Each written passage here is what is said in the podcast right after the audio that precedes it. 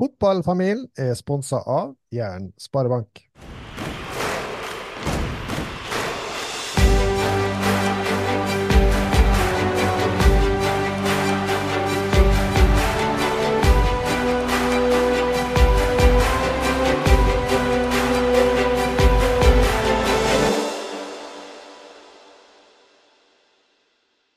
Velkommen til Fotballfamilien, en podkast for deg som er glad i fotball. Som alltid er undertegnede Anders Solfjell Gjerseth, oppe i Molde sitter lille junior Sander Gjerseth og venter spent på Molde mot Legia på torsdag. Ja, det blir faktisk i dag når vi legger denne episoden ut. da. Ja, ok. Men eh, jeg må jo si skadeproblemer allerede nå. Hva i alle dager er det dere holder på med der oppe? Ja, Nok snakk om det. Ja, ok. Du, eh, jeg må jo si, eh, som jeg sa til dagens gjest, du henter fram spennende historier om dagen. Eh, dagens gjest må jeg innrømme jeg er veldig spent på å bli bedre kjent med. Eh, så jeg skal bare liksom gå rett til saken. Så skal jeg si velkommen til oss, Håvard Hetle. Tusen takk for det. Du, eh, jeg må innrømme det at eh, Sander gjorde meg oppmerksom på deg. Eh, gått inn og lest litt om det. Så som sagt, jeg syns du har et kjempeviktig budskap og historie, men for det breie norske fotballpublikum, hvis noen da er like utdaterte fossiler som meg, kan du si litt om deg sjøl og din bakgrunn? Uh, ja, jeg heter Håvard Hetle, uh, og jeg uh, kommer fra en liten plass som heter Breim i Nordfjord på Vestlandet.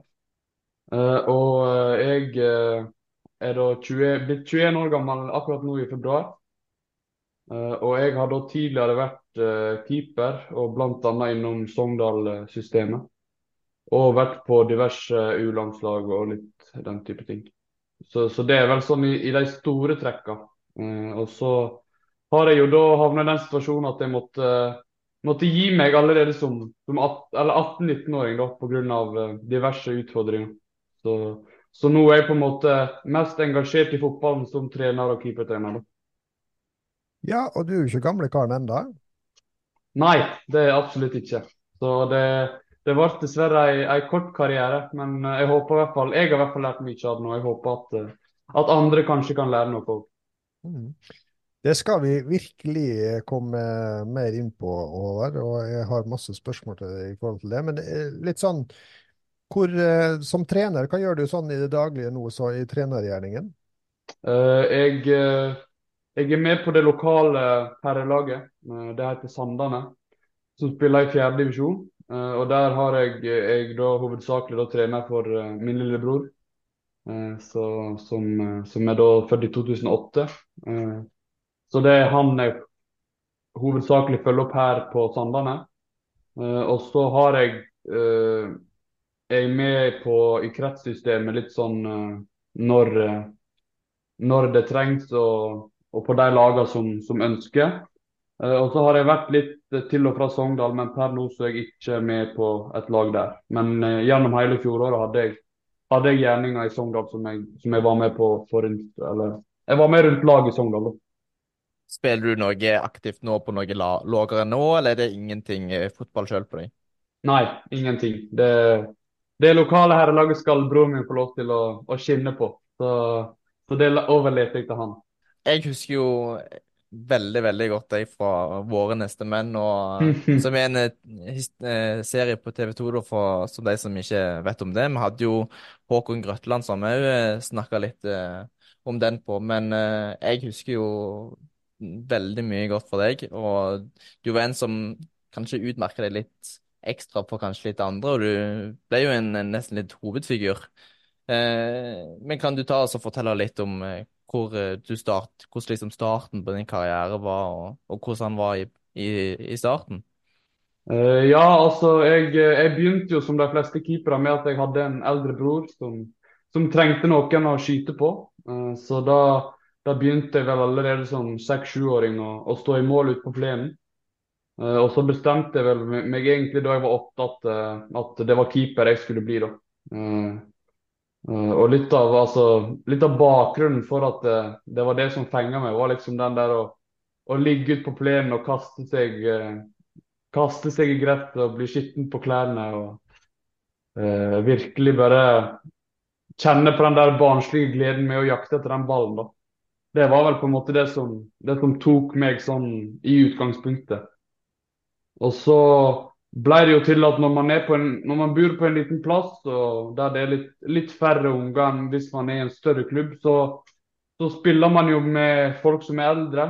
Så, så på et tidspunkt så spilte jeg vel både med de som var like gamle, de som var ett år eldre, de som var to år eldre, og de som var tre og fire år eldre. Så, så, så det var jo noe som jeg satte utrolig stor pris på i den, de første fire-fem åra av uh, min keeperkarriere, hvis det går an å si. At, at, jeg på en måte alltid hadde noen. Hvis jeg var inne på banen, så var det alltid at laget kunne være med. Uh, og jeg fikk alltid være med på kamp hvis det var noen som trengte en keeper. Så, så når jeg ser tilbake på den der første, de første tre-fire åra da jeg var i, i barndomsklubben min Breinsbygda, det var liksom bare at uh, om å gjøre å få spille så masse kamper som mulig, om å gjøre å få trene så masse som mulig. Uh, og ja, det var rett og slett en utrolig sånn god periode når jeg ser tilbake på det. Du, eh, jeg tenker jo sånn, Vi har alltid et eh, viktig åpningsspørsmål, for du har liksom allerede kommet inn på lokalklubb, lokale lag. Eh, være litt sånn oppover i, i, i, i rekkene eldre spillere. Hvordan uh, forhold har du til ordet relasjoner og relasjoner innen fotball? Uh, det har jeg jo fått, fått, kjenne en del på sånn gjennom, gjennom Eh, ja, både gjennom altså, den tidlige ungdoms- eller barne, barnefotballkarrieren min, og så et, etter hvert når jeg kom inn i Sogndal-systemet og på en måte fikk, fikk kjenne litt på, på hvordan uh, den profesjonelle fotballen fungerer. Uh, så hvis jeg tar da barnefotballkarrieren min først, så uh, vil jeg jo si at den aller viktigste relasjonen jeg hadde, var på en måte til de vennene jeg hadde på laget da var på en måte altså tre, Treneren var litt, litt, mer uviktig, fordi at det, det, var på en måte altså den gjengen vi var som gjorde at det var gøy for meg å komme på trening. Og det var jo det at jeg hadde det kjekt på trening som gjorde at jeg ønsket å trene og trene og trene for å på en måte eh, etter hvert få et OK nivå. da. Eh, så, så det var selvsagt viktig at man hadde trenere som kunne rettleie. Men når jeg tenker på relasjoner, så var det absolutt den relasjonen jeg hadde til alle de kompisene på laget som var uh, den aller viktigste. Uh, og så, når jeg på en måte kom over i et mer profesjonelt system, så, så fikk jeg på en måte kjenne på den litt andre sida av det. Der uh, man, man, på en måte blir yngst, og man det er litt større spenn i alder. og som et, et sånn keepergruppe er jo veldig hierarki. Når du er nummer tre, så er du nesten du er nesten usynlig fordi det er så langt ifra på en måte uh, det målet som du egentlig har. da. Uh, og, og, og, der hadde man kanskje litt feil folk rundt seg, og, og da at man på en måte får kjenne på at uh, det å ha dårlige relasjon, relasjoner som man på en måte er utrygg på, og som, som, ikke gjør at jeg kan prestere sånn som jeg ønsker, da fører det til at man tar kanskje uheldige valg. og og man trives ikke så godt som, som hvis jeg sammenligner med den barnefotballen. Da, at, at, jeg hadde alltid gleda meg til å gå på trening fordi at det var vennene mine jeg skulle på trening med. Mm. Men eh, når du sier på en måte litt sånn feil folk eller feil personer, tenker du da på en måte liksom på trenere og treningsmiljø? Tenker du på andre spillere, eller tenker du på liksom helheten i miljøet generelt? Eh, nei, det, det første som, som, slår meg, er jo det at uh, når du er keeper, så er du i en veldig utsatt posisjon. Uh, mm. Og for, meg altså Jeg husker jeg var med på min første Sogndal-trening allerede som 14-15-åring. Uh, eh, og da husker jeg at det var noen sånne litt sånn i hermetegn pensjonister som, som, på en måte var der for å avslutte karrieren sin. Uh, og så Når man da gjorde en feil, så, så, fikk man på en måte bare Ja, man fikk så hatten passa, da.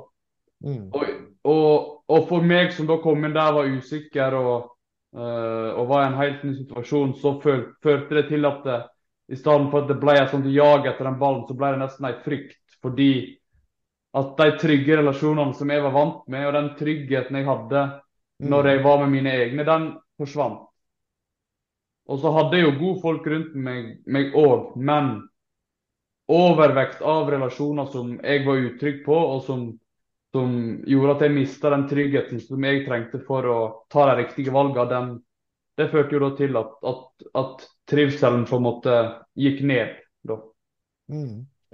Jeg vet eh, Sander har fortalt meg at eh, du hadde på en måte litt sånn, i stedet for å ha disse store drømmene om å spille på den store arenaen rundt om i verden, så var ditt tidlige store mål å spille på Sogndal, stemmer det? Det stemmer. det stemmer. Ja, Kan du si litt sånn, hvorfor, hvorfor det? Hvorfor var det mye større enn de store ambisjonene om eh, verden? Uh, nei, det, det var egentlig fordi at eh, jeg har jo alltid vokst opp med å reise til Sogndal for å se på kamp. Mm. Uh, og jeg har utrolig mange gode minner der jeg f.eks. Brann Sogndal på 16. mai, der man på en måte Det er fullsatt stadion, og det er liksom Det er rivalisering, og, og man får et helt annet forhold til de spillerne som, som spilte, da, enn f.eks. Manchester United eller ja, den type store klubber. Så, så for meg så ble det et sånt nært forhold til f.eks. Mathias Dingeland, da, som jeg, som jeg var så heldig at jeg fikk fikk se ham på tribuner som relativt ung, og så var jeg så heldig at jeg fikk trene med han etterpå. Og For meg så ble det på en måte en så nær og sterk opplevelse at, at det var på en måte aldri noe no, At jeg trengte aldri ha noe større mål enn å på en måte komme i den posisjonen. fordi at jeg vet at For meg så var det på en måte en så stor opplevelse å se på de heltene mine. da. Og så få muligheten til å trene med dem.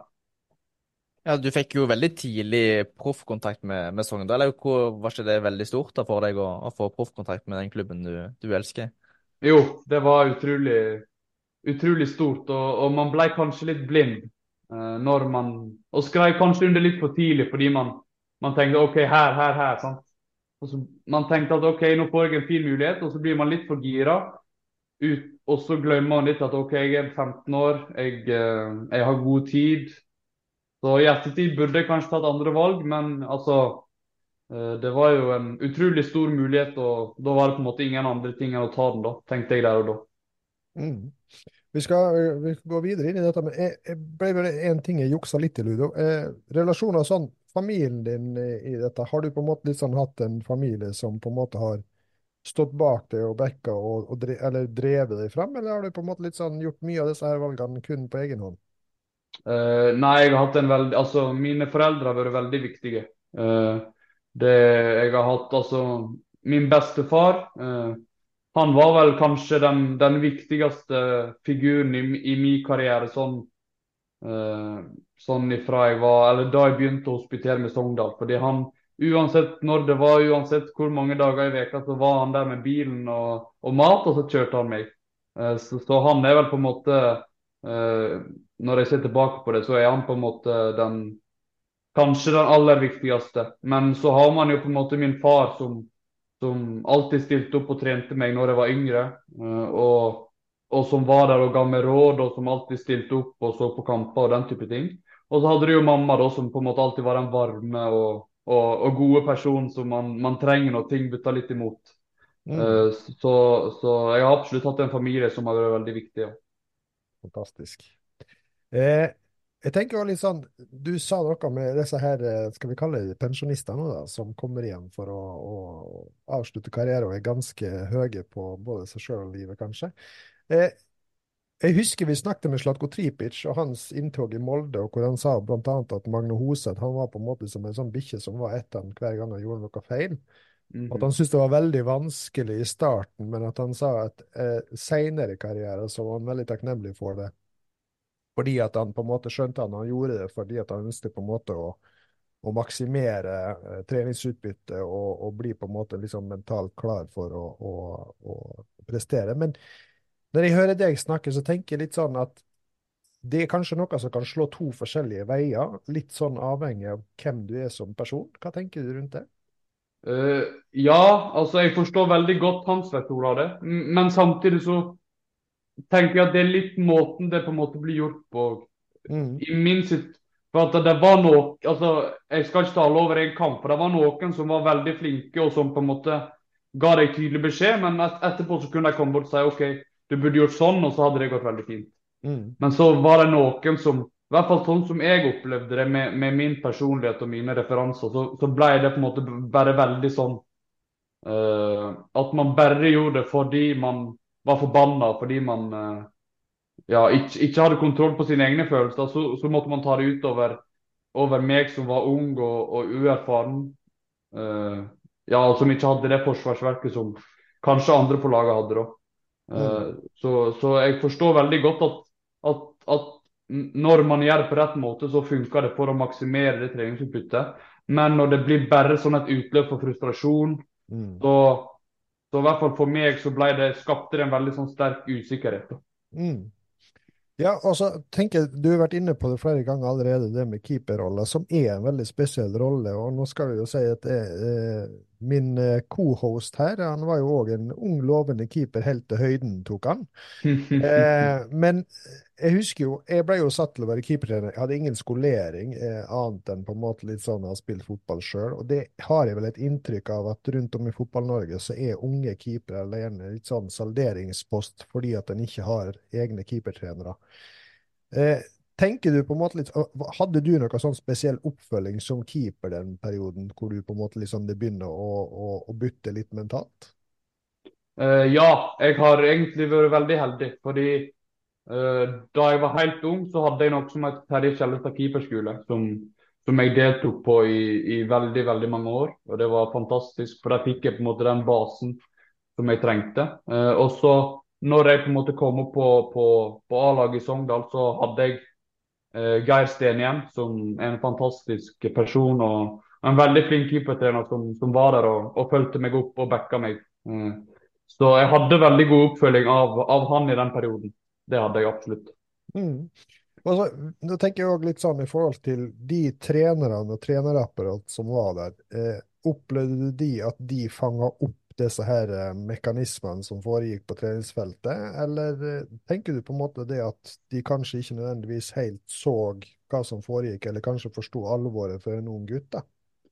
Uh, det er litt både òg. Uh, jeg vil si at det var noen som fanga det opp og på en måte prøvde å, å gripe tak i meg og, og, og, så, og, ta tak i de problemene som, som, på en måte begynte å utvikle seg. Men så var det jo andre på en måte litt, sånn, litt viktigere personer i det trenerteamet da, som, som uh, var litt av den samme gamle skolen sjøl, og som, som, i hvert fall sånn som jeg oppfatter det, tenkte at det, ja, sånn er det bare på trening. At uh, man skal stille krav, uh, og det er jeg jo helt enig i, men de må stilles på rett måte. Mm. Det er jo litt sånn, kanskje ikke like uttalt i alle kretser, men det, det er iallfall en slags sånn type uskreven uh, lov, mer eller mindre. At uh, en skal på en måte liksom tåle en del i en sånn type garderobekultur, og at en skal tåle en del når en er idrettsutøver. hadde det vært lettere for deg på en måte liksom, hvis du f.eks. hadde en mentaltrener rundt deg i den fasen? det, det som er litt morsomt, er at jeg hadde faktisk det. ja. Hvem da? Det hadde jeg. Uh, en som heter Ole Erik Grinde. Eh, han er atter en, en mann som er helt, helt rå, og, og jeg skylder han veldig, veldig masse. Uh, så, så det, det Men det som er litt Altså Det vi fokuserte på, var på en måte at vi prøvde å gjøre noe med det som, det som vi kunne kontrollere. Mm.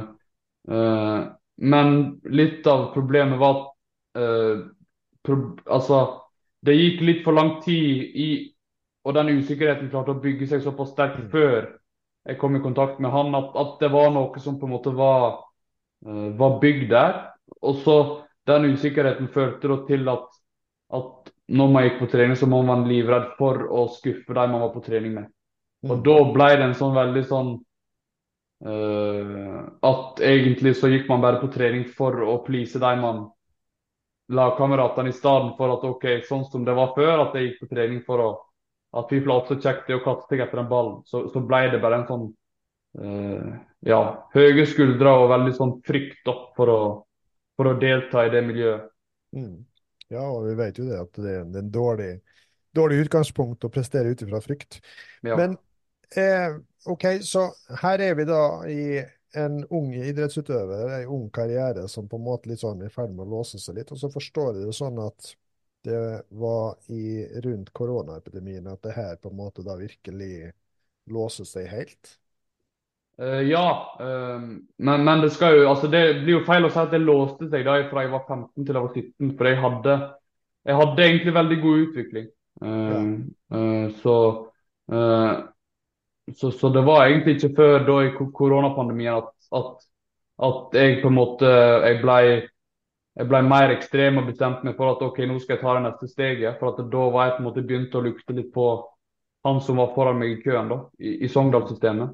Mm. Uh, og så da ting ble på en måte stengt ned og alt, så, så, så sa jeg, jeg bestemte liksom meg for at uh, ok, når vi kommer ut av det dritet her, så skal jeg liksom være bedre, bedre forberedt enn en alle andre som, som, er på laget. da. Uh, og, og, og, uten at på en måte jeg var bevisst på det i starten, så ble det jo til en slags uh, ja, overtrening. Uh, og jeg utvikla sånn sakte, men sikkert spiseforstyrrelser. da. Uh, som, som, da ja, uh, ja ble, ble, veldig, veldig mye verre utover uh, ja, når jeg var 17 og 18 og ja, 19 og 20 år, for eksempel. Mm. Så Men eh, nå skal du på lov, så på en måte liksom, skal ikke jeg legge ord som ikke jeg egentlig har hold for. Men, men, er det sånn å forstå da at det er på en måte i koronaperioden at det her får en slags sånn utslag? Er det sånn å forstå? Ja, det, det vil jeg absolutt si. For da, da sto man mer alene. Uh, og så tok jeg på og så leste jeg litt sånn Brukte mye tid på å lese ok, hva kan jeg gjøre for å ta det neste steget. Og så leste jeg på en måte om erfarne keepere, som f.eks. Jarstein, da, som ok, hadde gått ned litt og plutselig begynte å prestere, prestere mye bedre. Uh, og og Det er jo ganske sånn enkel matematikk at uh, hvis du er litt lettere, så er det lettere å hoppe høyt. Mm. Uh, men til et visst punkt så, uh, så, så går, blir det negativt fordi man mister muskelmasse og man mister på en måte energi og det overskuddet man trenger for å bygge, bygge de musklene man trenger for å hoppe høyere. Mm. Så, så, det ble på en måte at, at jeg tok de valgene helt alene uten nok kunnskap, og da førte det til at i stedet for at jeg bygde meg opp, så brøt meg bare mer og mer og mer og mer ned. Utover i det, ja, spesielt det koronaåret. Første året? Ja. Det, og så alt som skjer etterpå det, er på en måte som et resultat av at uh, man har ødelagt, uh, eller i hvert fall gjort veldig stor skade på både kropp og, og hode. da. Mm. Eh, nå skal ikke jeg spore helt av her, men det er klart det har vært mye snakk om eh, ungdom, psykisk helse, utenforskap, ensomhet i forbindelse med korona og etterpå. Eh, jeg har kanskje litt sånn ut ifra mitt faglige ståsted har vært litt kritisk til det, fordi at jeg tenker det var mye av dette her som starta lenge før korona, men korona gjerne forsterka det.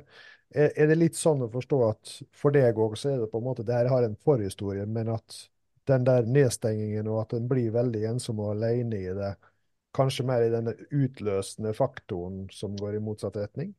Uh, altså Det er litt både òg. Uh, eh, når jeg på en måte har Eller nå i seinere tid, når jeg har reflektert mer over det, så, så, ser jeg jo at jeg har hatt ting som har, kan ha vært utløsende faktorer. Fordi jeg, jeg, har en sånn tendens til å uh, bli veldig ekstrem på de tingene som jeg brenner for. men samtidig så Min på en måte periode under korona at det, at det, begynte å bytte veldig veldig imot, førte til at jeg isolerte meg i mye større grad enn det jeg hadde gjort før. Så jeg vil ikke si at det var noe som på en måte hadde begynt å utvikle seg før covid, men det skjøt veldig fart under covid og, og ble sånn, ja, en, en, veldig, en veldig vond sirkel da, som bare utvikla og utvikla seg. Riktig. Men det er på en måte at du òg har sagt det at du, du, du er veldig ekstrem. Eh, ble det òg da på en måte noe når du sitter alene og kommer i disse her negative tankespinnene, eh, tenker det òg da blir et ekstra eh, lodd til det, på en måte? At du ikke har noen sånn motstand eller korreksjon?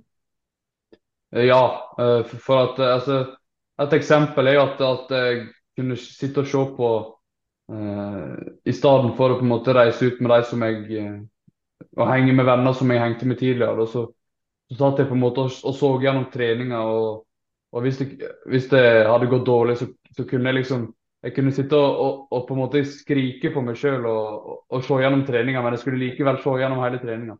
Fordi at jeg visste at for å bli bedre til i morgen, så måtte jeg på en måte se hva jeg hadde gjort feil. Så, så når jeg ser tilbake på det, så, så er det helt surrealistisk. Men det var på en måte Eneste ønsket jeg hadde, var på en måte å bli bedre og ta det neste steget. Uh, men det er det jeg mener med at jeg, jeg ble veldig ekstrem på at, at, det var på en måte ingenting annet i livet mitt som betydde noe i det hele tatt. Det var bare OK, hvordan skal jeg prestere bedre på trening i morgen enn det jeg gjorde i dag? Men uh, når jeg ser i ettertid, så var jo alt jeg gjorde i den perioden egentlig veldig ødeleggende, fordi at det tok vekk overskuddet mitt, det tok vekk gleden, det tok vekk ja, muskelmasse. sant? Alt, alt, alt ble bare veldig, veldig dårlig selv om på en måte eneste ønsket mitt var at det skulle bli veldig veldig mye bedre. Mm. Men det er jo der den kunnskapen kommer inn. At, at, jeg, at akkurat der så følte jeg meg helt alene. Og at jeg bærte liksom hele min utvikling og min videre karriere på mine skuldre. Og da ja, ble det, ble det dritt, for å si det på den måten. Mm. Eh, vi må jo spørre deg da, Håvard, i forhold til når du sier det her utvikles til en spiseforstyrrelse. Hvor eh, hvor alvorlig snakker vi om? Fordi at spiseforstyrrelser har jo en veldig range i forhold til både alvorlighetsgrad og hvilke typer forstyrrelser det er. Uh, nei, altså Det er det som er litt vanskelig, fordi at på, for meg så uh, Jeg har en kropp som er, sånn, er veldig tung i utgangspunktet. Så de målene som legene bruker, blir veldig feil. fordi at egentlig Selv om jeg gikk ned 20 kg fra det jeg var på, på en måte mitt tyngste, så, så var fortsatt den eh, målet innenfor eh, normalen på, på det, den skalaen som legene bruker. Men det Når jeg ser igjen bilder når det var på det verste, og det, tanken på at jeg, gikk ned 20 kg på, på, det meste, det er jo ganske alvorlig, ja. Men jeg var aldri innlagt eller noe sånt. Det var bare at det, Ja, det var veldig, veldig alvorlig, for å si det på den måten jeg husker jo deg som en ganske sånn eh, Jeg vet ikke om det var noe med styrkene dine, men iallfall eh, fra serien så var jo du kanskje mye større enn alle andre på din alder. Og man kunne jo etter hvert si at du ble mindre. Eh, hvor tidlig skjønte, eller så du alvorligheten sjøl på det? Uh, jeg, jeg, husker faktisk veldig godt den, den, den, gangen da jeg skjønte at jeg var på, på ville veier. Det, vi var på vi var på kamp i, i, i Bergen. Vi skulle spille mot Åsane. Uh, og, så, og, så, lå jeg på, på rommet der og skulle sove. Jeg var, så, jeg var så utrolig sulten. Men så bare kjente jeg på at, at jeg fikk ikke meg til, til å, å ete noe som helst, liksom. For jeg var helt Jeg lå bare og grubla og bare og tenkte. Så, så, det er vel egentlig den, Det blir sommeren 2020 da, at jeg skjønte at her var jeg på på ville veier, men så hadde jeg ikke motet til å, til å ta tak i det. Og jeg var på en måte så dypt inni det allerede at jeg, jeg, jeg, klarte ikke å komme meg ut da, rett og slett. Ja, Hvor tidlig Var det noen andre som måtte komme med tiltak, eller var det du til slutt som klarte å gjøre noe med det?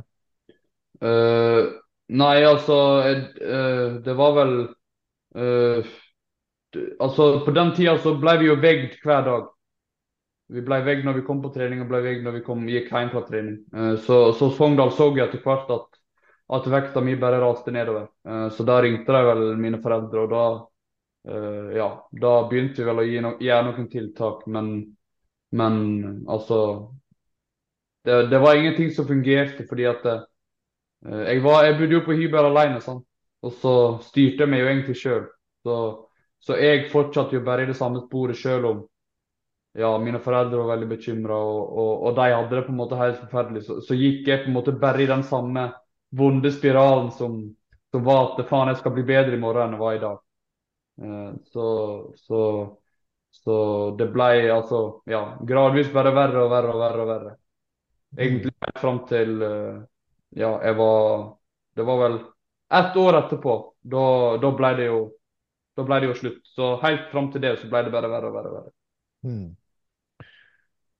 Det er heftige greier du snakker om, eh, Håvard. Det må jeg si. Og eh, jeg tenker det at jeg, ser, jeg, har lest på en måte at du har, har uttalt i, i, i, eh, en annen podkast at det her kan være et mye større problem enn på en måte det som kommer fram i, i realiteten. Og det tror du er helt rett i, både sånn idretten generelt sett. Men Eh, når du nå har jobba med det, skulle jeg si, hvilken type behandling har du hatt? Eller hvordan har du på en måte jobba med å få kontroll på, på spiseforstyrrelsen?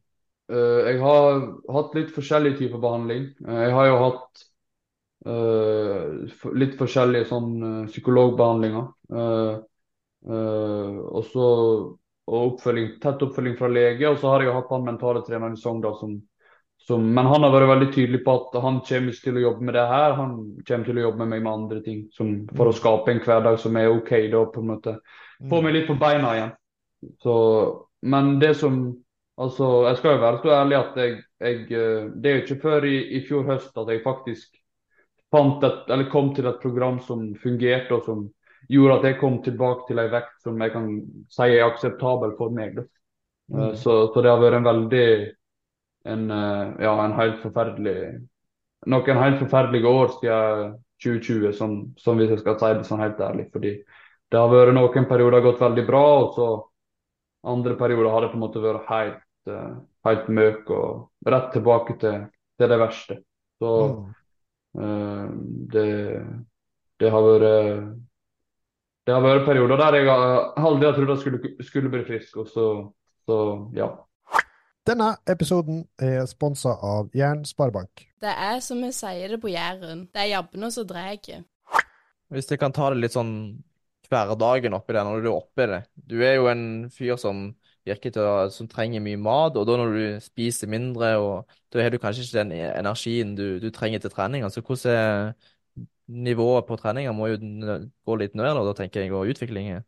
Uh, ja, altså Altså, jeg eh, Altså, altså utbyttet av, av treninga gikk i hvert fall helt vekk. Uh, sånn, altså styrketrening Jeg trente alltid to økter. Det var liksom Sju dager i veka var alltid to økter. Men altså, jeg ble jo aldri noe sterkere, fordi at eh, man hadde jo ikke overskudd til å, til å bygge muskler.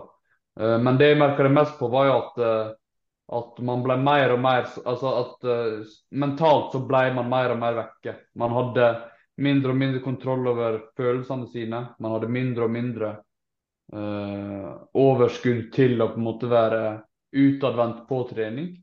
Uh, og, og det skulle på en måte ingenting for å, å vippe meg over og, og få meg tilbake til den usikre 15-åringen som, som jeg var med en gang jeg kom inn.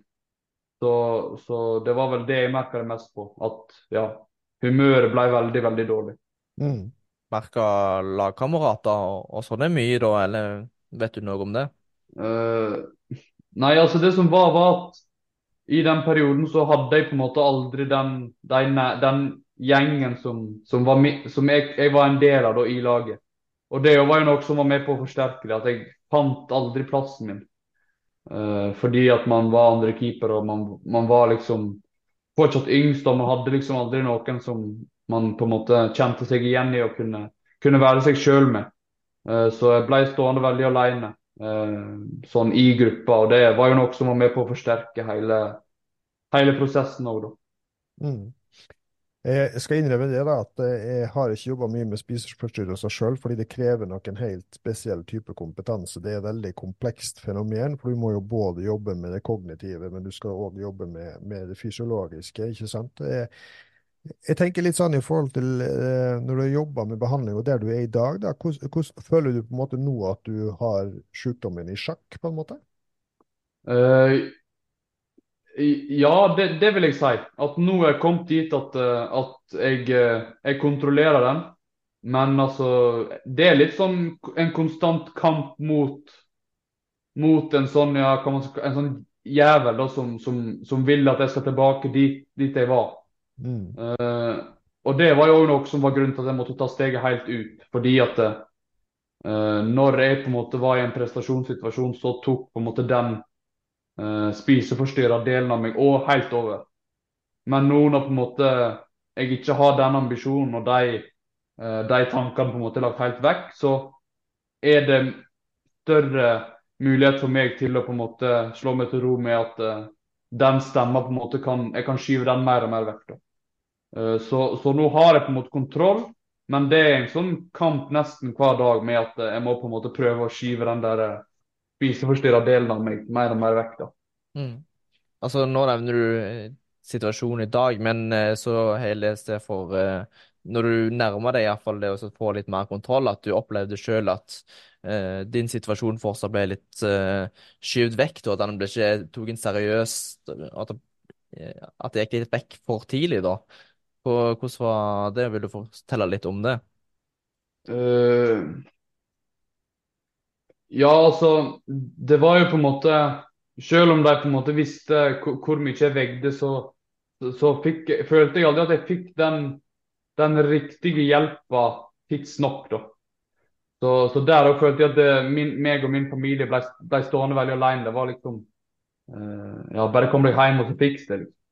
Mm. Uh, og man kan jo ikke forvente at på en måte hver eneste fotballklubb skal ha veldig mye informasjon eller veldig mye kunnskap da, om den typen problematikk. Eh, men altså, jeg skulle ønske at, de, at de, klubben som organisasjon akkurat når det var verst, at de hadde gjort litt mer for å, å være til stede for meg, da, i stedet for å på en måte bare legge problemet over på mine foreldre. og de, altså det var jo de som det kanskje var verst for at jeg hadde det akkurat sånn. fordi de så jo hvor, hvor syk De så jo før meg hvor syk jeg var, eh, og det har jo vært veldig vanskelig for dem. Så, så når jeg ser tilbake på det i ettertid, så er det jo de jeg har mest dårlig samvittighet for. At jeg på en måte har utsatt dem for, for den typen belastning. Mm. Det er klart, jeg jeg er jo enig i det. En kan ikke forvente at alle fotballklubber skal ha spisskompetanse på alle mulige problemstillinger, men det en kanskje kan forvente, er at fotballklubber òg tar på alvor og kobler på de nødvendige instansene i større grad. Og litt sånn som du sier, slår slå litt mer ringer rundt familie, nettverk og, og spilleren sjøl. Jeg vet jo på en måte fra tidligere sånne type behandlingsopplegg at familiebehandling på en måte òg har vært en del av det. Men du sier du bodde jo alene. Men har, har på en måte f.eks. nettverk, familie og den type ting vært involvert i den her tilfriskningsprosessen din, da, sånn at du har flere å stå sammen med? Eh, ja, det hadde jeg. Eh, fordi etter at jeg på en måte innså at jeg, jeg ikke kunne være i Sogndal mer, så flytta jeg jo hjem til mine foreldre. Eh, og fullførte siste året på videregående, videregående her hjemme. Så, og da var det jo på en måte i store perioder altså mamma som styrte hva jeg skulle ete, når jeg skulle ete og, og den type ting. Så hun var absolutt en del av, av den behandlinga og den fasen da det var mest prekært at jeg var som, som sjukest. Du sier det du, når du flytter hjem, da. Hvis jeg eh, Nå blir jo fotballen litt sånn uviktig oppi det, men eh, føles det på en måte som en seier og et tap med at eh, nå må du liksom trappe ned med fotballen, som har vært en så stor drøm, men samtidig du får eh, Du går et steg i riktig retning for det om, liksom? Uh, Med, med tanke på sykdommen, da. Uh, ja, nei, altså Akkurat den situasjonen der, så var det bare ei en enorm sorg, egentlig. Uh, det for, Altså, det var Ja, jeg, det er litt vanskelig å beskrive, men jeg, jeg var altså eh, jeg, Det var vel Jeg tror nesten det gikk et år før jeg så på en fotballkamp eller, eller så på noe som, som hadde med fotball å gjøre igjen, for jeg var helt jeg var helt knust, rett og slett. Det var Jeg hadde på en måte mista det eneste jeg hadde i livet mitt.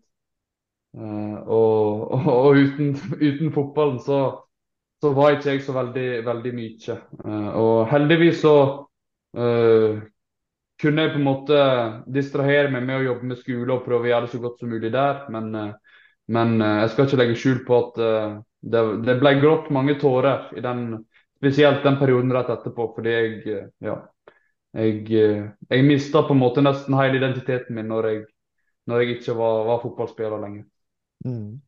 Du vet, Håvard, vi pleier å si det, at det, det er kun to ting en vet i livet. og Det er at en er født og en en dag skal vandre ut av denne jammerdalen. Og alt imellom er jo et usikkert prosjekt, så vi er jo veldig avhengig av å ha noe som gir mening. Og det som jeg hører når du snakker, er jo at fotball har liksom vært meningsbærende for din del. Ja, Og da er det jo helt naturlig å tenke det at det kommer en veldig sorgreaksjon. Sånn vil det jo være om du mister noen du er glad i, eller mister noe som er så betydningsfullt for deg. Eh, og derfor så tenker jeg det er kjempe Jeg blir nesten litt sånn rørt når jeg hører på deg, fordi at jeg syns det er så fint at en ung utøver kan på en måte sette ord på sorg, da. For jeg tror ikke det er mange fotballspillere som faktisk eh, snakker om. Jeg, mm -hmm. jeg, har du på en måte litt sånn Hvordan har responsen når du på en måte har fortalt historien din og, og gått litt sånn ut med det, hvordan har responsen fra folk vært? Nei, jeg har jo fått veldig, veldig altså utelukkende positiv respons på at jeg på en måte har har vært åpen om, om de utfordringene jeg har hatt, og, og de, den historien som på en måte har, har blitt litt mer sånn en læringshistorie enn en solskinnshistorie. da. Mm. Uh, så, jeg, eh, så, så jeg opplever at, at, at både klubben, som, altså organisasjonen Sogndal Fotball, har, har tatt til seg veldig mye læring av det som vi har opplevd i laget, og som, som jeg da særlig har opplevd. Uh, og så har jeg fått veldig masse fine reaksjoner fra, fra folk utenfra som på en måte sier at de har opplevd noe av det samme, og som, som satt, satt pris på at jeg kunne være med og fortelle min historie. Da. Så, så, så det, det er, godt å kjenne på at, at, det at jeg på en måte har, har vært åpen om det, er med på å og kanskje gjøre det litt lettere for andre da, som strever med litt av samme ting. Altså, nå skal ikke jeg ta det sånn helt ut, men jeg vil nesten si det at du i ung alder ble nesten litt sånn eh, fotballstjerne uten at du nødvendigvis hadde spilt på noe toppnivå. Eh, og med, med, det lovende talentet du var, og såpass offentlig da, som kom på TV og sånn, så jeg kom jo det med at det er mange som følger med, sånn som meg. Og da er det sånn jeg har sett sånn andre som fra den serien blant annet, som er datt litt vekk. Alle lurer på hvor ble jeg av han, hvor ble jeg av han? Får du mye sånn daglig fra yngre eller eldre som lurer på hva som skjer? Eh, I starten fikk jeg det, men jeg, det var jo òg en del av den sorg, at, eh, at jeg eh, måtte bare koble helt vekk alt av sosiale medier som på en måte knytter meg til den jeg kaller fotballhova, eller noe sånt. Så, så, det, så det har jo ført til at jeg på en måte den den delen av meg har blitt lagt vekk, og det er jo med vilje for å på en måte gjøre den sorga så liten som mulig. Um, så nå er det mer at jeg får sånn når jeg, jeg, jeg er ute og trener kretslag, at, at jeg, jeg, får, jeg, blir spurt om jeg er Håvard Hetle. da. Men det som var veldig, veldig kult, det var at jeg hadde de som var født i 2011 forrige helg. Og da, da fikk jeg spørsmål om jeg var broren til Erlend Hetle, så da ble jeg veldig, veldig glad. fordi da da var ikke det jeg som var, var stjerna lenger. Hvordan er det å se eh, andre som du har vært på landslag med? Nå vet jeg sånn Mathias Løvik som eh, er her, han har jo gjort det kjempebra. Du har flere på det landslaget du var på som har slått ut. Hvordan er det å se de slå ut mens du ikke holder på med fotball lenger? Eller spiller fotball sjøl, i hvert fall. Hvordan er det å se det? Nei, altså, jeg, jeg, skal jo være helt ærlig og, og kjenne på at, at det er jo det er jo litt sånn tosidig at, uh, at man gjerne skulle ha vært der sjøl. Men samtidig så er jeg utrolig imponert av det Oskar og, og, og, Mathias og Tobias og de får til.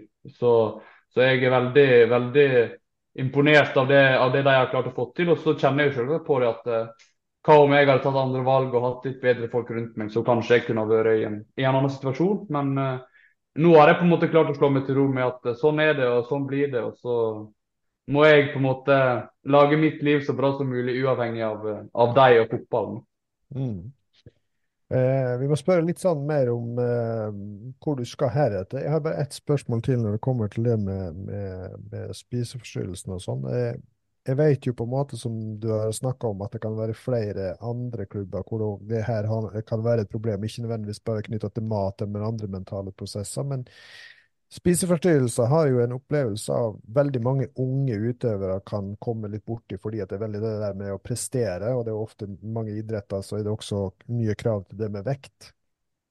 Men det jeg også ser, er jo det at det, det, spiseforstyrrelser er jo på en måte gjerne en lidelse som ikke du blir kvitt, men du må lære å leve med. Har du fått noen sånne type signaler eller kunnskap fra behandlingsapparatet, hvordan du skal forholde deg til det i fortsettelsen?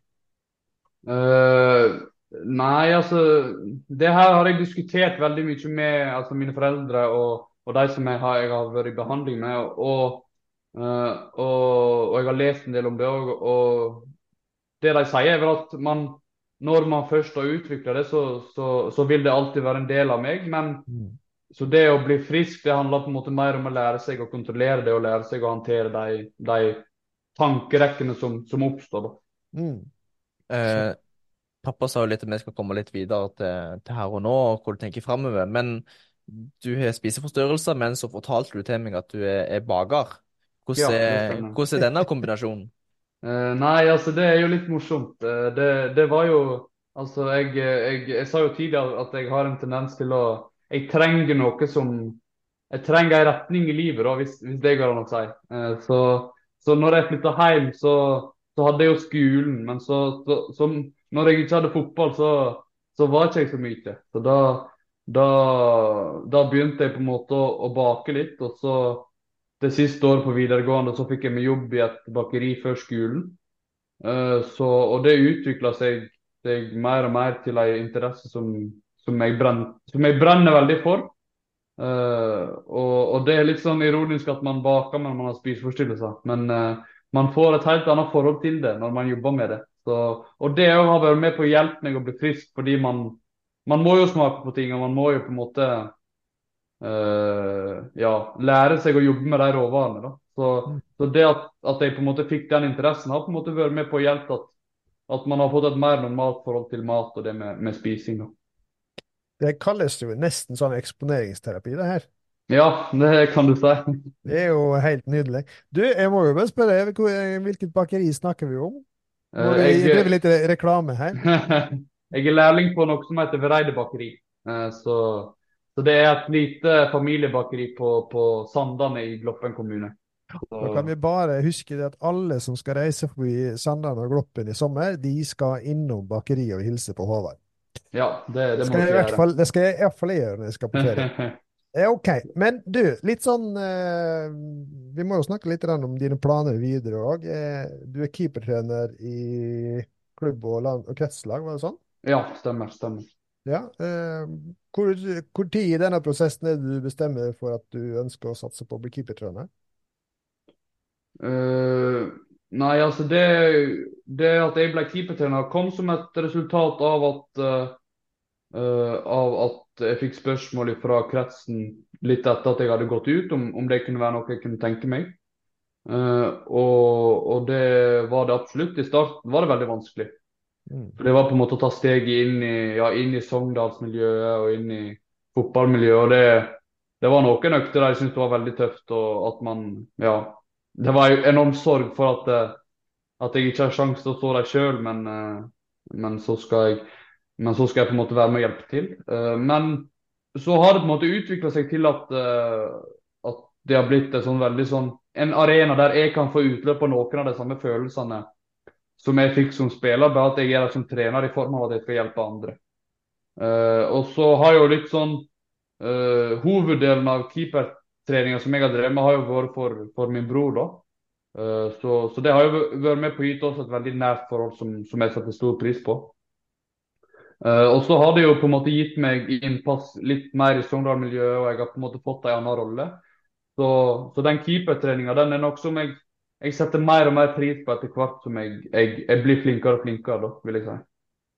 Er det sånn at du ser på det her som litt sånn hobby, det å være keepertrener, eller er det noe faktisk du eh, kan ha litt ambisjoner om at du kanskje vil bli keepertrener på fulltid, eller hva tenker du der? Uh, altså, jeg har tenkt litt på det, men, men, akkurat nå så er det på en måte noe som jeg gjør, uh, gjør fordi det er kjekt, og fordi at jeg føler at jeg kan være med å bidra. Uh, og så Jeg har jo tenkt på at det, det kunne vært kult å, å, være med som på fulltid, men per nå så, så er ikke det noe jeg, jeg, kommer til å satse på akkurat nå, iallfall. Ja, det du er keepertrener for, da. Syns jeg det er kult at det er du som er, er keepertrener. Det, du er i så ung alder og til tross for din unge alder, så har du en veldig bra bakgrunn. Så er det noe de syns er, er, kult og, og, kjekt. Ja, og Broren min syns det er så kult å bli trent av meg. Det, det, det skal ikke jeg svare for ham på. Men, uh, men uh, nei, altså jeg, uh, jeg, jeg, Altså, de har begynt å bli så små, de som jeg trener, at de, de kjenner meg nesten ikke. Så, så jeg Altså jeg håper de syns det er kult i form av at jeg har noe å komme med, og, og ikke i form av at jeg, jeg heter Håvard Hetle og har har vært en OK keeper sjøl. Mm. Men i og med at uh, du sier du har vært en person som har stilt veldig store krav til deg sjøl, og så ser du på en måte gjerne det at det kan ha blitt litt sånn kontraproduktivt i din situasjon. Uh, har, du lært, har du lært noe av det som gjør at du på en måte vil ha en annen type tilnærming til de du skal trene, f.eks.? Uh, ja, absolutt. Absolutt. Uh, så så, så, det som jeg tar med meg inn som trener, er jo på en måte at, at det eneste jeg krever av deg som utøver, er at, eh, at du stiller opp med en energi som gjør at jeg får energi av å trene deg, og ikke at du drar energien ut av meg. For det er det eneste jeg trenger for å prestere som trener, det er at, at de utøverne jeg har faktisk Ja, når jeg snakker til deg, så ser du på meg. Eh, og hvis jeg gir deg en tilbakemelding, så prøver du å gjøre noe med det. Det er liksom Det eneste jeg krever, på en måte er at du, du gjør så godt du kan. da, gjerne. Og at du stiller opp fordi du har lyst, og ikke fordi du må, eller fordi foreldrene har sendt deg. Uh, så jeg stiller ingen krav til om, om du redder den ballen eller den ballen. Det, det eneste jeg krever, er at du, du, har et smil om munnen, og at du kommer fordi du syns du har det kjekt. Eh, når du sier, altså Jeg har jo vært trener sjøl på for gutter som er litt mindre. Og da har jeg jo merka det ofte jeg spillerne som nødvendigvis ikke vil springe, og derfor det er med på keepertrening. Merker du fort det, det, at det er noen keepere som vil, eller merker du det at det er noen som er der fordi de ikke vil spille ute, liksom? Ja, det, det gjør jeg absolutt. Uh, og, og, det er jo litt av den Det som jeg kanskje synes er vanskeligst, er hvordan skal man på en måte håndtere en gruppe der man har noen som vil, og noen som på en måte bare er der fordi de, ja, de, de står nå i mål. og fordi de ikke har verken høyre eller venstre fot. Sant? Eh, så eh, det er vel kanskje det som jeg syns er mest krevende. Det å finne ok, hvordan skal jeg gi det beste av meg sjøl til hele gruppa. Eh, og I starten så strever jeg veldig med det. Jeg var veldig opptatt av de som var best, og de som ga meg energi. Og så mista jeg litt de som uh, ikke ga meg energi. da. Men jeg opplever i hvert fall det at nå, i, nå når jeg har litt erfaring, så klarer jeg å binde hele gruppa sammen. og og, og, gi hver enkelt oppgave som gjør at den kan ha det kjekt når de er på trening. Ja, Nå er jo du ung og har mye å lære som keepertrener, kan du fortelle litt mer hva det, det går i? Det, jeg tenker det er veldig mange eh, foreldretrenere som sikkert sitter og hører på, og det er dessverre altfor få som kan noe om keepertrener. Nei, keepertrening og keepertrener, det er det ikke mange av. Så er det noe du, tips du kan gi videre, eller hvordan du gjør det som keepertrener? Uh, ja, altså jeg har uh, jeg har, det, det, er litt sånn morsomt, fordi etter at jeg har blitt keepertrener, så har jeg egentlig fått heil, en helt annen forståelse for, uh, for hvordan uh, Eller hvordan på en måte den keeperposisjonen funker.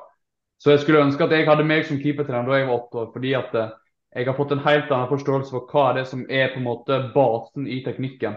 Og det er én ting som, som jeg trener uansett om, om, det er ja, Uansett hva nivå jeg trener på, så er det én ting, og det er, handler om å, om å ha en linje gjennom kroppen sin. Det snakker jeg om til uansett hva nivå jeg trener keepere på.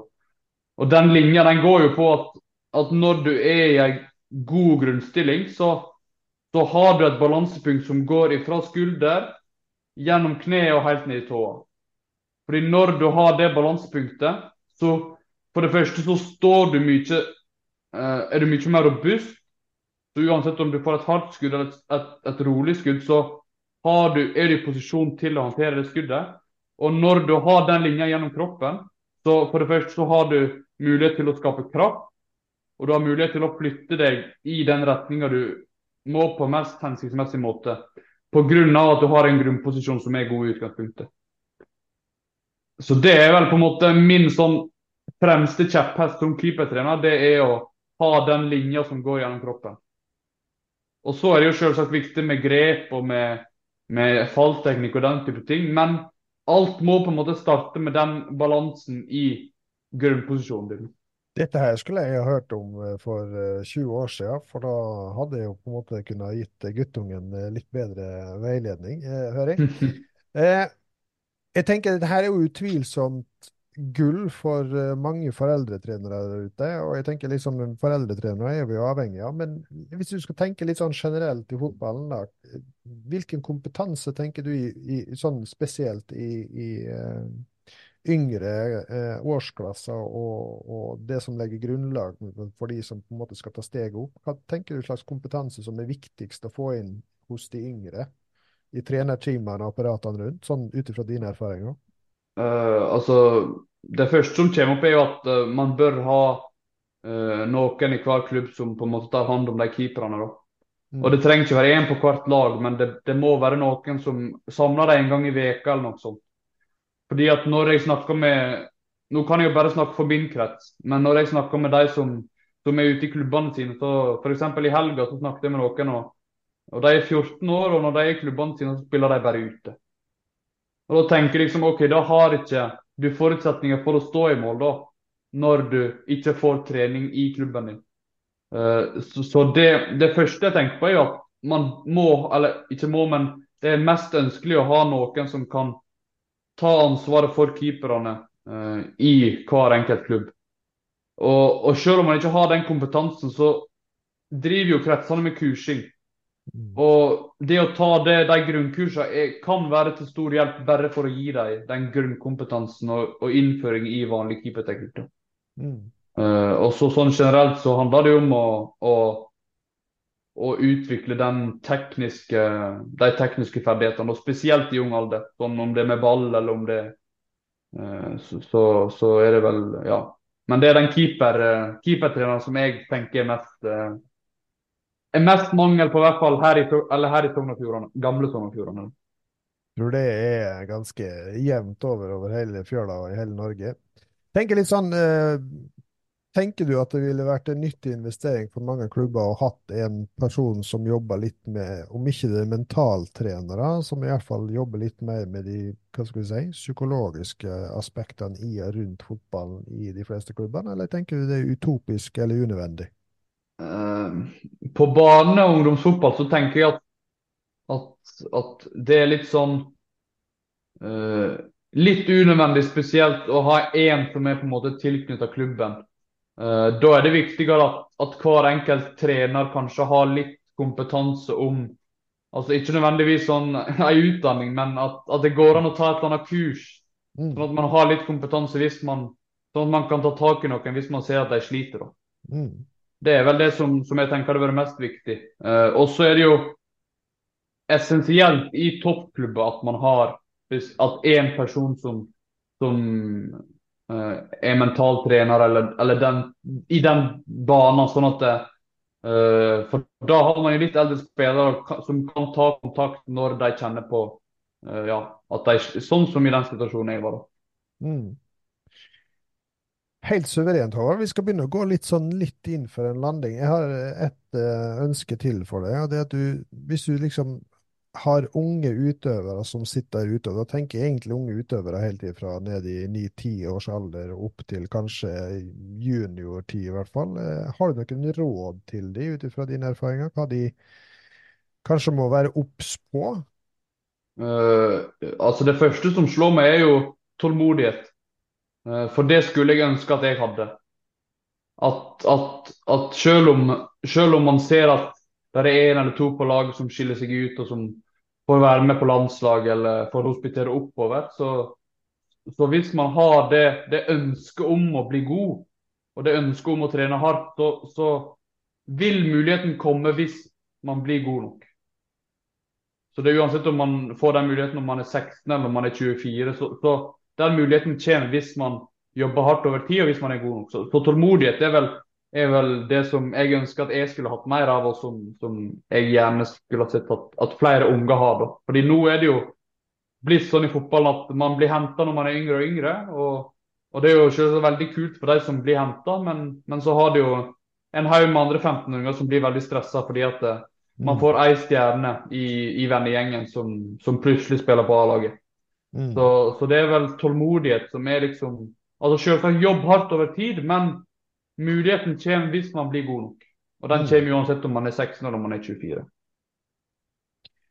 Det var fantastisk bra. Nå tør jeg nesten ikke si noe, for det var så god avslutning, avslutning at alt jeg sier nå blir eh, ødeleggende. Jeg tenker Tålmodighet er noe som jeg tror unge i dag strever litt med fordi at de er en TikTok-generasjon hvor alt ja, absolutt hvor alt er på en måte øyeblikkelig stimuli. Sånn at det, det er noe med på en måte å, å Vi skal ikke være sånne gamle fossiler som skal hele veien mane til tålmodighet i forhold til hvordan ting var før, men jeg tror det er kjempeviktig sånn som stemmer som du, da, som faktisk er en del av den unge generasjonen, og som på en måte òg ser at det er det som betaler seg over tid. Så det var, jeg synes det var et nydelig råd. Det håper jeg alle som hører på i og rundt barnefotball, tar til seg. Jeg har alltid òg et siste avslutningsspørsmål. Hvordan har det vært å være med oss i kveld? Nei, altså Jeg var litt spent, det skal jeg være ærlig på. Fordi jeg, jeg, er jo Jeg vil ikke si at jeg er veldig aktuell innenfor fotballen lenger. Men det har vært, det har vært kjekt å, å, prate med dere. Og jeg føler i hvert fall at, at jeg har fått fått sagt noe fornuftig. Og så håper jeg at, at det blir kjekt å høre på òg. Jeg syns du har sagt jævla mye fornuftig, og jeg vil bare arrestere, jeg vil bare arrestere deg på én ting, og det er faktisk først jeg skal arrestere deg på i dag. Du er ikke uaktuell i fotballen. Jeg vil heller si at med din historie så er du brennaktuell. Sånn at eh, jeg håper jo på en måte kanskje det at eh, flere tar eh, kontakt med deg, både klubber og, og, kanskje også på en måte NFF kan kjenne sin besøkelsestid. For her har den på en måte en ressurs i en historie som jeg tror veldig mange kan ha nytte av å høre. Ja, men tusen, tusen takk for det. Ja. Supert. Eh, du, sjef der oppe, eh, har du noen spørsmål helt på tampen, eller ting du mener vi bør si noe om? Nei, ikke noe spesielt, men det er litt sånn, sånn som du sier, med at det uh, kommer med et veldig bra budskap. Helt siden Nå jo første sånn historie som vi fikk ut, det var jo Alexander Andresen med, med sin kreftbakgrunn, og, og siden den tid så har du hele veien hatt lyst i år da, til å jakte gjester som kan komme med disse budskapene.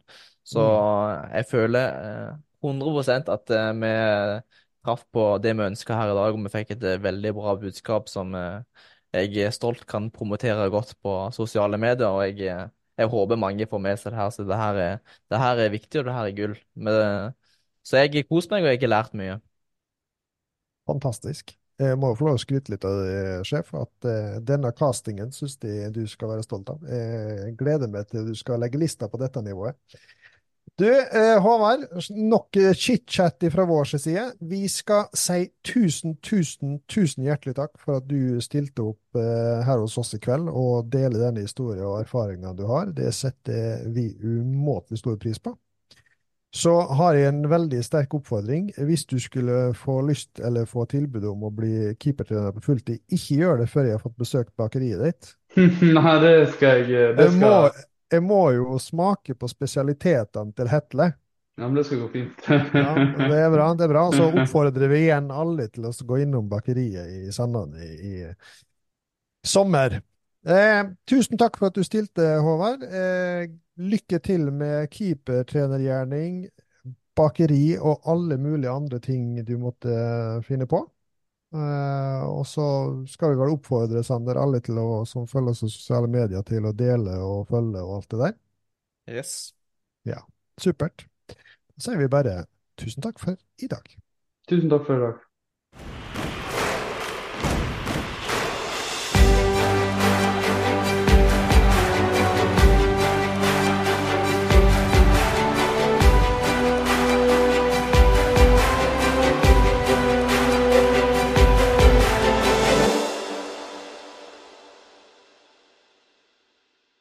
Denne episoden var sponsa av Jæren Sparebank.